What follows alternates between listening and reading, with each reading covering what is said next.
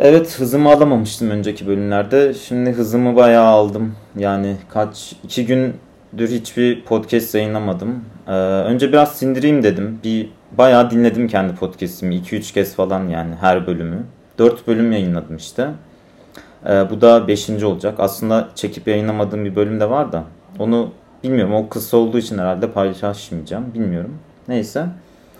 Evet, şimdiki konumuza dönersek Sisyphus'u anlatacağım. Evet, şu an herhalde internette çoğu yerde mimi var zaten. Bir popüler oldu sanırım son birkaç haftadır.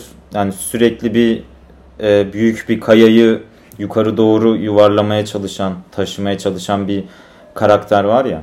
İşte o Sisyphus. Ee, yani mimlerde şey olarak gösteriliyor hani e, boşuna çabalamak yerine kullanılıyor yani boş boş bir şey yapmak işte uğraşıp aslında hiçbir sonuç elde edememek anlamına geliyor. E tabi aslında mitolojide de bir nevi böyle diyebiliriz. E, o zaman anlatmaya başlayayım. E, evet Musalar, e, dokuzunuzu da tekrardan karşımda görmek beni çok onur ediyor. Teşekkür ederim. Şu an sizlere yine bildiğiniz bir öyküyü anlatacağım ama olsun. Sisyphus e, aslında Aeolus oğullarından bir karakter. E, Aeolus oğulları kim diye soracak olursanız e, aslında ilk insanlardan diyebilirim. Yani bayağı aslında yani Pandora'nın e, bayağı yakın soyundan geliyor diyebilirim. Yani şöyle aslında e, biliyorsunuz aslında ilk e, kadının e, var olmasında ve aslında ateşin çalınmasında da yine yani ateşin insanlığa verilmesinde Prometheus dediğimiz Titan'ın payı çok büyük. E, Prometheus kimdi? E, açıklayalım öncelikle. Titanlardan aslında yani e, Tanrılar soyu dediğimiz soydan bir önceki soydan olan e, bir Titan. Ama aslında tam olarak öyle diyemeyiz. Çünkü 12 Titan var. Bu 12 Titan'dan aslında Iapetus diye bir Titan'ın oğlu aslında. Yani ya yine Titan ama o tam 12 Titan'ın içinde mi derseniz hayır. Evet değil. Ama sonuç olarak yani Tanrılarla Titanlar arasında olan bu taht kavgasında e, bir Titan olarak Titanların yanında savaşması bekleniyordu. Fakat Prometheus adından da anlaşılacağı üzere e, Metis bilgelik anlamına geliyor. Pro da yani birleştirince şu anlama geliyor aslında. E, bu arada kardeşi de Epimetheus var. Epimetheus da kardeşin yani Prometheus'un tam tersi anlama geliyor. Epimetheus sonradan akla gelen düşünce oluyor. Prometheus da yani bir şey bir eylemden önce düşünme e, anlamına geliyor. Yani önce düşün sonra hareket et. Prometheus yani bilgeliği burada aslında temsil ediyor. Epimetheus da tam tersi. Önce aksiyon al sonra düşün. E, yani bunu temsil ediyor bir nevi. E, işte yere yani yeryüzüne gelen ilk kadın Pandora ile de Epimetheus evleniyor. Zaten dediğimiz gibi biraz daha içgüdüsel hareket ediyor Epimetheus. Pandora'ya bir kutu veriliyordu ta, işte Tanrı tarafından. Ee, işte bu kutudan biliyorsunuz bütün e, hastalıklar çıkıyordu falan işte. Bu insanları cezalandırmak için ama bunları sonra anlatacağım. Yani özet olarak geçiyorum şu anda. Ee, sonuç olarak Pandora ile Epimetheus'un oğlu Filia diye bir kadın var. Bir de Prometheus'un oğlu var Deucalion. Yani aslında bunlar kuzen Deucalion'la Filia. Ve gerçekten mitolojide şöyle bir mit var. Tıpkı Nuh tufanı gibi. Yunan mitolojisinde de e, Zeus insanlığa çok kızıyor. Ve insanlığı bir nevi yok etmek istiyor gibi aslında. Ve sürekli işte bulutlara, yağmurlara emrediyor. İşte deniz tanrılarına, işte ırmaklara falan filan e, emrediyor. Ve neredeyse sonu gelmeyen bir yağmur yağıyor. Hatta öyle ki Ovid herhalde Dönüşümler kitabında bunu şöyle anlatıyor işte. Bir kuş e, işte uçan bir varlık bir yerden işte kalkıyor su geldiği için sonra harap bitap bir halde yani hiç konacak bir yer bulamıyor ve düşüyor. Öyle söyleyeyim. Ama bu Deucalion Lafire tanrılara karşı çok saygılı iki insan. Ee, birbirlerini de seviyorlar ve bunlar e, kurtuluyor yani. Kurtulan tek iki insan olduğu düşünülüyor. Ve bunlar ka- karada bir yere çıkıyorlar ve yani dediğim gibi buraları biraz özet geçeceğim ve e, insanlığı tekrardan yaratıyorlar. Nasıl yaratıyorlar aslında? E, şöyle söyleyeyim. taşları atıyorlar. Dökalyon öndeki taşları arkasına doğru atıyor. Her taştan bir, bir erkek doğuyor. Filya da yine taşları atıyor ve arkasından kadın doğuyor. Hatta o yüzden insanlara taştan gelme anlamını taşıyan bir kelime söyleniyordu. Yine çok hatırlayamıyorum. Dediğim gibi başka yerde ayrıntılı anlatacağım bunların. Bunların kızları oluyor işte Helen diye. Helen'in oğlu Aeolus. Aeolus'un oğlu da işte Sisyphus. Yani Aeolus aslında çok dediğim gibi e, ilk şeylerden biri hani ilk isimlerden biri dediğim gibi düşün işte dedesi Dökalyon. Dökalyon da neredeyse ilk insanın ilk kadının çocuğu gibi diyebiliriz. Neyse. Sisyphus da Aeolus'un oğlu. Ve bunlar çok büyük bir aile. Ee, bir sürü kardeşi var. Atamas var. Atamas oğulları diye apayrı bir şey var. Başka yerlere gidiyor yani çok uzun. Az sonra anlatacağım işte. Nefret ettiği kardeşi Salmonius var. Ee, Salmonius'tan neden nefret ediyor? Yani çok bir açıklaması yok aslında kökeni ama birbirinden nefret ettikleri var. Hatta gidip kaine dan danışıyor Sisyphus. Ee, kendime zarar vermeden, hani ucu kendime dokunmadan nasıl öldürebilirim diyor Salmonius'u. Kain de şey diyor. Salmonius'un kızıyla evlenirsen doğacak çocuğunuz diyor e, Salmonius'u öldürecek diyor. Sisyphus da evleniyor gerçekten. Yapıyorlar bir çocuk. Fakat bunu eşi öğrendiği zaman çocuğu kendisi öldürüyor. Yani babasını öldürmesin diye, Salmonius'u öldürmesin diye öldürüyor. Ya bu kısa bir mit gerçi. Anlatacağımız şeyle çok bir alakası yok ama böyle de bir olayı var Sisyphus'un. Ya Sisyphus bu mitte de anlayabileceğiniz üzere böyle arkadan iş planlamayı seven işte kurnaz ve hatta şöyle diyeyim Yunan mitolojisindeki en kurnaz ve kurnazlığı kötüye kullanan insanlardan biri. Hatta en kurnazı olabilir. Odysseus'tan daha kurnaz mıdır? Evet kurnaz. Hatta ve hatta şöyle söylenir. Odysseus'un babasının Sisyphus olduğuna dair işte söylentiler vardır. Yani bu kurnazlık Sisyphus'tan geçmiş gibi düşünülür. Ama tabi bunu onu sevmeyenler de daha çok yani. Çünkü Sisyphus gibi birinin oğlu olmak çok da şey bir şey değildir aslında. Neyse. Yani çünkü Odysseus'un çok daha e, onurlu yüce bir babası var. Neyse. Sisyphus neden bu cezaya çarptırılıyor şimdi? Biraz Sisyphus'u öğrendiğimize göre asıl e, ne olduğunu geçin. Bu arada Sisyphus Korint kralı olarak geçiyor. Korint'te bir e, şeyin kralı olarak geçiyor. Yani aslında Efira diye bir yerin kralı olarak geçiyor da bunun Korint olduğu söyleniyor. E, bu Sisyphus'un ama bir sıkıntısı var işte. Şeyh, e, şehrinden e, geçmiyor. E, su kaynağı yok yani. Şehrine çok uzakta en yakın su kaynağı. Bunu düşünüyor ne yaparım diye. Sonra e, yakınlarda bir e, nehir tanrısı var. Asopus diye. Bunun kızı var Egina diye biri. Sonra bakıyor ki e, Zeus bu Egina'yı kaçırıyor. Bir kartala dönüşüp yani bazı yerlerde öyle geçiyor. Bir kartala dönüşüp Egina'yı kaçırıyor. Ya yani birlikte olmak için büyük ihtimalle. Asopus kızını arıyor, bulamıyor.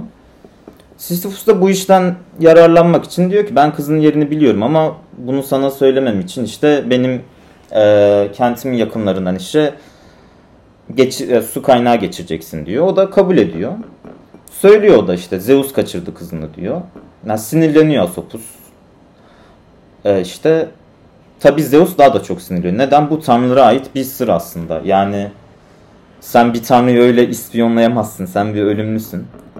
Ne yapıyor Zeus? Ee, Thanatos'a emrediyor ki git Sisyphus'u öldür. Yer altına zincirle yani. Yer altına gitmek bir nevi ölüm sayılıyor zaten. Thanatos kim peki? Thanos değil. Evet. Thanatos. Ee, ölümün kişiselleştirilmiş hali diyebiliriz. Şimdi birkaç önceki podcast'imde de şey söylemişim. Aslında Hades de işte kişiselleştirilmiş hali ölümün. Ama Thanatos daha çok aslında Azrail meleğinin kişiselleştirilmiş hali ama yani şöyle söyleyeyim. Bir insan diyelim ki bir yerde ölüyor. Onu yer altına kadar götüren, eşlik eden ruhuna Thanatos oluyor. Yani ölürken son gördüğü şey o Thanatos oluyor. Tıpkı işte İslam'daki Azrail gibi düşünün. gelip canını alıyor. Yer altına götürüyor. Sonra oradan Karon'la işte Akeron nehrini geçiyor. En son işte şey oluyor. En son değil de işte yargılanıyor insan. Onu da anlatırım başka zaman. Ee, yargılanıyor ve cennet ya da cehennem ya da aslında şey de var. Nötr bir yer de var. Araf diyebiliriz.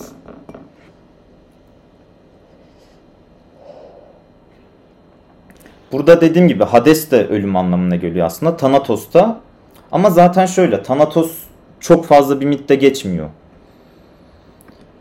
Ama hani görevinin bu olduğunu biliyoruz en azından. Neyse Thanatos'a diyor ki işte git e, Zeus emrediyor işte git götür diyor e, Sisyphus'u yer altına zincirle diyor. Şimdi burada iki farklı mit var. İkisini de anlatacağım. İki farklı yorum aslında. Birincisinde Thanatos götürüyor yer altına. Ee, onu zincirleyecek tam işte. Sisyphus da zeki. Çok kurnaz tabi. Kurnaz oynuyor. Diyor ki ya diyor bu zincirler nasıl çalışıyor? Sen nasıl zincirliyorsun birini tam olarak? Hani bunu anlamıyorum. Aklım almıyor diyor. Thanatos da gösteriyor. Bak böyle yapıyorum derken Sisyphus bir anda çabukluğunu, atikliğini de kullanıp e, Thanatos'u zincirliyor oraya. Yani bir nevi ölümü hapsetmiş oluyor. E, ölümü hapsedince ne oluyor bu sefer? Kimse ölemiyor. Yani işte herhangi bir hayvan da kurban edilemiyor. İşte savaş alanlarında insanlar acı çekiyor ama ölemiyor. Yani hayata gözlerini yumamıyor. Peki bundan ilk rahatsız olan kim oluyor? Tabii ki de savaşın kendisi ve savaşın tanrısı Ares. Çünkü Ares e, savaştaki ölümden, kandan beslenen bir tanrı aslında ve bundan zevk alıyor yani insanların ölmesinden savaşta. Bundan zevk alan bir tanrı. Çok rahatsız oluyor yani. Kimse ölemiyor çünkü. Hani kimsenin ölememesi aslında savaşın savaşın heyecanını azaltan bir şey onun için. Ve gidip Thanatos'u kurtarıyor. Tabi bu sırada Sisyphus yer altından çıkıyor. Bu bir yorum. Bir yoruma göre de aslında yer altına inmeden e, şey yapıyor. E, Thanatos'u zincirliyor. Nasıl zincirliyor bu sefer? Thanatos'u diyor ki sen çok kral bir tanrısın işte insanlar senin hakkını bilmiyor. Bak ben sana bir sürü hediye aldım diyor. İşte boynuna kolye takar gibi aslında zincir takıyor ve zincirliyor. Hatta e, başka bir yoruma göre de ilk rahatsız olan tanrılardan biri Ares değil de başka tanrılar. Çünkü e, kurban edilen hayvanlar da ölmüyor ve tanrılara şeyler gitmiyor. Hani kurbanlar gitmemiş oluyor. Neyse. Sonuç olarak Sisyphus kurtuluyor. Ya yani özgür bir yaşama başlıyor. Ee, Ares de gidip e, kurtarıyor Thanatos'u ve Thanatos tekrar peşine düşüyor. Zeus da çok sinirleniyor tabii. Çünkü bir nevi kandırmış oluyor yani. Zeus'u da bir nevi kandırmış oluyor ve hani ondan üstün bir şeymiş gibi gözükmesine sebep oluyor. Hani bir tanrıyı yendi vay be gibi oluyor. E, Thanatos gidiyor. E, bu sefer gerçekten de e, Sisyphus'u almaya yani bu sefer hiçbir şekilde kandırılmamayı e, emin olmuş bir halde. Sisyphus'un da aklında bu sefer başka plan var. E, karısının yanına gidiyor ve şöyle söylüyor. Ben öleceğim. Yani beni götürecekler yer altına. Sakın diyor benim e, bedenimi cenaze yapma diyor.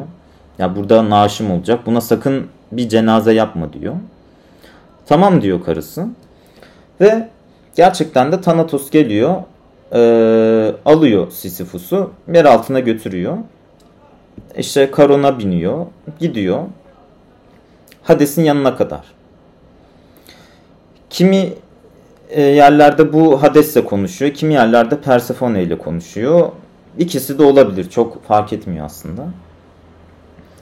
Ve ilk dediği şey şu oluyor. İşte ey yüce tanrım diyor. Biliyorsun e, fark ettin mi bilmiyorum diyor. Benim karım halen daha benim cenazemi yapmadı diyor. Bu çok büyük bir saygısızlık diyor. Ben nasıl rahat edeceğim burada diyor. Ki şöyle bir dipnot geçelim. Ee, Yunanlılarda gerçekten de cenaze çok kutsal bir öneme sahip. Ee, şöyle ki e, ölü bir bedenin gerçekten gömülmesi ve cenazesinin yapılması gerekir. Çünkü olmazsa çok büyük bir hem tanrılara karşı saygısızlık olmuş oluyor hem e, ölen insana karşı saygısızlık olmuş oluyor. Genel olarak aslında yani tamamen şey bir şey yani etrafına da çok büyük lanetler yayılacağı düşünülen bir şey ki şöyle düşün hatta vatan hainleri de gömülüyor. Yani vatan hainleri şehir dışına gömülüyor ama sonuç olarak gömülüyor. Ha, cenazesi yapılıyor yine. Yani bu çok büyük bir saygısızlık. Yani Hades de bunu bildiği için ya da Persephone bildiği için izin veriyor. Diyor ki tamam bir gün diyor bir gün olmak üzere gidip e, karına bunları anlatıp geri döneceksin diyor. O da tamam diyor Sisyphus. Geri dönüyor boylu boyunca. Yani ikinci kez e, girip çıkmış oluyor ölüler diyarından. Yani baya güzel bir şey. Çıkıyor gidiyor işte. Karısına tabi yaptığı oyundan çok bahsetmiyor aslında. Ve tekrardan yaşamaya başlıyor. Kimi yorumlara göre gerçekten yaşlılıktan ölüyor Sisyphus. Yani artık tanrılar unutuyor mu ne yapıyor bilinmiyor. Ama e, kimi, bir, kimi mite göre gerçekten yaşlanıp ölüyor. Kimi mite göre de Hermes bu durum farkına varıyor. Zeus çok sinirleniyor ve Hermes e, Hermes emrediyor bu sefer. Niye? E, yani bir kurnazla nasıl başa çıkacaksın? Daha kurnaz birisiyle. Yani Hermes biliyorsunuz hırsızlığın, kurnazlığın e, işte ve habercilik yolcuların da diyebiliriz aslında biraz e, tanrısı. Gidiyor bu sefer Hermes götürüyor e, yer altına. Ya şunu biliyoruz ama sonuç olarak Sisyphus ölüyor. Ve gerçekten de tanrılar karşısında birkaç kere zafer kazanmış bir halde gidiyor Tartarus'a. Tartarus'ta dediğimiz yerde aslında bir nevi cehennemin en dibi diyebiliriz.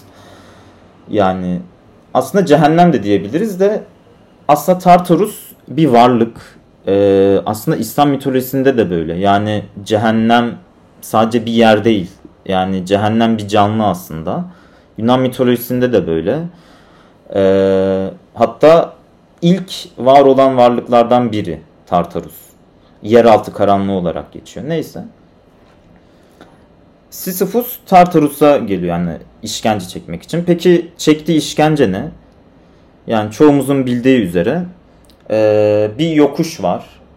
E, bu yokuşta çok büyük bir kaya var e, küre biçiminde.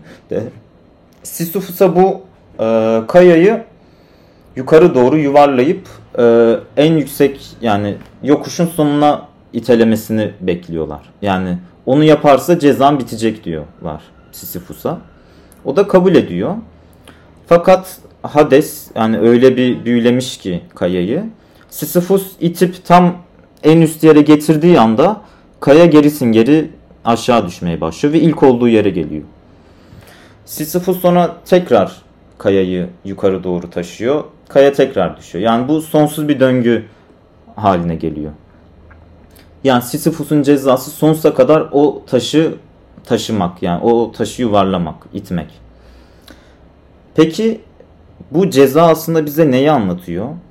Ee, bunun bir sürü farklı yorumları var. O zamandan bu zamana kadar bunun politik yorumları var. Ee, bunu siyasi açıdan değerlendiren var. İşte e, başka e, işte insan yaşamı olarak yani aslında geleceğim yer orası. İnsan yaşamı olarak e, nitelendiren var. İnsanlığın yaptığı boş işler olarak yani senin yaptığın bir sürü boş iş sana hiçbir fayda sağlamayacak ama yine de yapıyorsun. E, bunu bununla nitelendiriyorlar. E, ve e, sanırım 1900'lerdeydi evet 1900'lerde Albert Camus biliyorsunuz e, Sisyphus Söylencesi diye bir kitabı var. Bu kitapta işte Sisyphus'tan bahsediyor tabi adı üzerine. Ve diyor ki aslında bu insan yaşamına çok benzer diyor ve bahsediyor aslında insan yaşamıyla özdeşleştiriyor ve e, şöyle diyor aslında her gün e, insan yaşamındaki her gün tıpkı Sisyphus'un o e, taşı yukarıya taşıması gibidir diyor. Ee, her gün bir şeyler yaparsın diyor ama o taş her gün geri gelir ve sen tekrar onu yaparsın. Hayatında hep aynı şeyleri yaparsın ve hiçbir sonuç olmaz aslında. Yani hayatın bir anlamı var mıdır? Sisyphus'un yaptıklarının bir anlamı var mıdır? Sisyphus kurtulamayacağını bilmesine rağmen neden o kayayı tekrardan yukarı taşır? Ve yani en sonunda şu sonuca varıyor Camus. Diyor ki e, aslında Sisyphus mutludur diyor. Çünkü yapabileceği tek şey o ve onu yapıyor durmadan diyor. Ve e, bundan pes etmesi demek aslında e, bu biraz benim yorum aslında. Hani bundan pes etmesi demek aslında tanrıların zaferi anlamına geliyor ve o bunun tam tersini seçiyor. Her gün tıpkı o taş yerine gidecekmiş gibi gitmeme gitmeyeceğini bilmesine rağmen tanrılara inat, her şeye inat o taşı tekrardan yukarı taşıyor. Sürekli. Asla bıkmıyor. Yani hem bir ceza çekiyor ama aslında her ceza çekişinde tanrılara bir güç gövde gösterisinde bulunuyor. Pes etmediğini gösteriyor. Ve aslında işte insan da böyle olmalı. Yani hayatın anlamı olmasa bile e, bir şeyler sırf inadına, sırf hayatın anlamsızlığı üzerine savaşmak için o taşı kaldırabilirsin. Yani her gün yaşayabilirsin. Her gün uyanabilirsin. Hayatın anlamı hayata bir anlam aramak olabilir. Tıpkı o taşı yukarıya kaldırmanın anlamı aslında taşı sadece taşımak olduğu gibi. Ve aslında e, Sisyphus'un da kelime kökeninin e, Sisfus'dan geldiği düşünülüyor. Bu ne aslında? E, yani bu Yunan mitolojisi ve diğer mitolojinin birleştiği yani çok kökeninde olan e, gelen inançlarda yani bu kelimenin aslında nefes alıp vermeye dayandığı söyleniyor aslında. E, yani Sisyphus nefes alıp vermiş. Taşın aslında yukarı inip inmesi ve aslında işte dediğimiz gibi e, her günün şey olması ya da uyandığın işte uyumadığın zaman ve uyuduğun zaman yani bir dualite var burada. Bunu da nitelendiriyor olabilir. Yani taşın yukarı çıkması ve aşağı inmesi. Ama sonuç olarak Sisyphus sonsuza kadar böyle bir ceza alıyor. Ama sonsuza kadar da o taşı taşıyacak. Biliyorum ben. Çünkü çoğumuz bunu yapmıyor muyuz aslında? Çoğumuz o taşı ne olursa olsun her gün yukarı taşımıyor muyuz zaten?